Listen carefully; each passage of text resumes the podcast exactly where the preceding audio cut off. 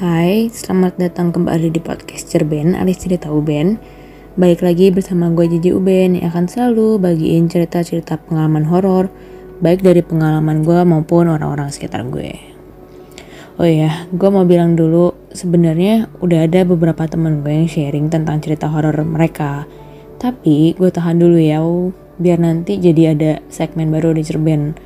Ditunggu aja ya guys kehadiran segmen baru ini Um, Oke, okay, kali ini langsung ke cerita aja nih ya. Ceritanya masih dari gua, tapi sekarang kondisinya adalah gue lagi main ke rumah salah satu teman baik gua. Siapakah dia? Apakah kamu? ding ding ding ding. Hai Bastian, kali ini gue menceritakan tentang yang lu udah tahu, oke? Okay? Waktu itu gue masih baru banget nih balik for good ke Indonesia setelah lulus kuliah di Taiwan. Gue dan Bastian ini emang suka banget ngelakuin hal random termasuk dalam ngisi konten YouTube kita masing-masing. Kita tuh mikirnya yang penting ada konten aja. ya enggak? Terus YouTube Bastian ini adalah aduh jadi promote Bastian Prabu Susilo dan YouTube gue adalah Jessica Ngalimin boleh di subscribe dulu ya guys YouTube kita. oke oke, balik lagi ke cerita. Jadi di suatu hari kita ngerandom buat nge-record video review makanan plus main game sama temen kita yang lainnya. Kayaknya kalau nggak salah tuh pas review bakmi deh buat konten YouTube si Bastian ini. Terus nge-recordnya tuh siang hari sampai ke sore di lantai dua salah satu kamarnya di rumah Bastian. Kalau dari tangga nih, posisinya dulu ya kurang lebih nih gue ceritain, gue jelasin. Kalau dari tangga, posisi kamar yang kita pakai itu ada di seberang tangga. Sebelahnya kamar lain, sebelahnya tuh ada kamar lain maksud gue. Terus di sisi lainnya lagi tuh ada toilet. Dan kalau di sebelah kanannya tangga, ada satu kamar lagi. Abis selesai record satu video, gue izin mau ke toilet nih yang lokasinya ada di luar kamar. Pas keluar kamar, ya biasa, nggak nggak horor, ya rumah biasa gitu loh. Walaupun agak gelap karena masih di jam nanggung, matahari udah mau terbenam, jadi lampu ruang tamu lantai dua ini nggak dinyalain. Semua masih kelihatan ya, cuman ya agak gelap aja gitu. Terus abis itu, abis dari toilet, gue kan mau lap tangan dong, abis cuci tangan. Tapi di toilet gak ada tisu ternyata. Jadi gue balik ke kamar lagi minta, minta tisu sama si Bastian dan buat buang sampahnya itu gue harus jalan ke arah tangga karena tong sampahnya ada di sana. Pas lagi buang sampah gue sekilas tuh e, ngelihat dari celah tangga kan dari atas tuh ke bawah jadi masih kelihatan tuh. Kalau ada anak kecil pakai rok lari ke arah toilet yang posisinya kebetulan tuh ada di bawah tangga. Dan ini ya anak perempuan. Gue langsung mundur selangkah karena gue nggak mau eye contact doang takut gitu loh. Takut mendadak eye contact kan nggak lucu ya.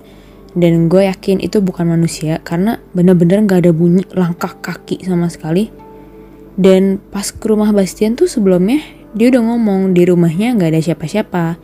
Cuman ada dia sama si ibu Nah ibu ini tuh panggilan sayang asisten rumah tangga dia. Gue yang tadinya sempat ngantuk karena nggak tidur siang jadi segera mendadak. Dan abis buang sampah gue langsung balik lagi dong ke kamar terus ngomong ke Bastian kongres ya Bas? Sambil bercanda-bercanda gitu deh. Dan Bastian nyaut kongres apaan Ben? Da ya ada deh pokoknya. Nanti gue ceritain gue jawab dong. Karena kebetulan abis record video ini gue sama Mbak Bastian tuh mau pergi lagi. Udah nih, kita lanjutin dong record video satu lagi. Sekit selesainya tuh sekitar jam tujuan malam. Dan abis selesai record ini teman kita satu lagi pulang. Sedangkan gue sama Bastian tuh pergi makan malam dong. Gue tadinya udah lupa tuh buat ngebahas kenapa gue kongresin dia pas di rumah dia. Lagian selama di perjalanan tuh di mobil kita tuh ngobrolin itu ini itu tuh banyak banget.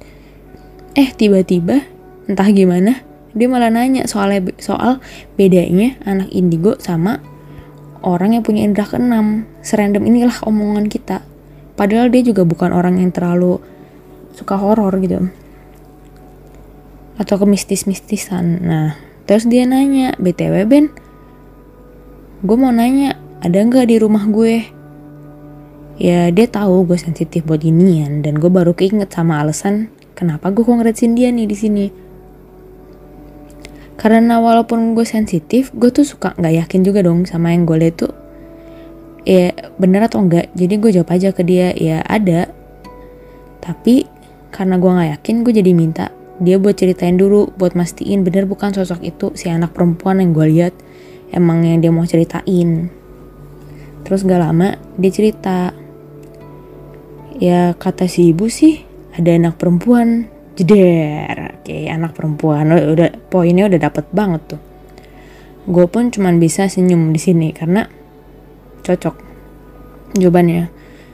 Terus dia lanjutin lagi. Nah anak anak kecil ini tuh suka goyang-goyangin kasur.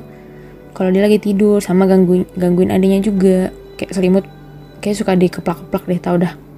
Pokoknya kayak gitulah intinya gue yang abis denger kayak gitu langsung ya gue ceritain jelasnya apa yang gue lihat.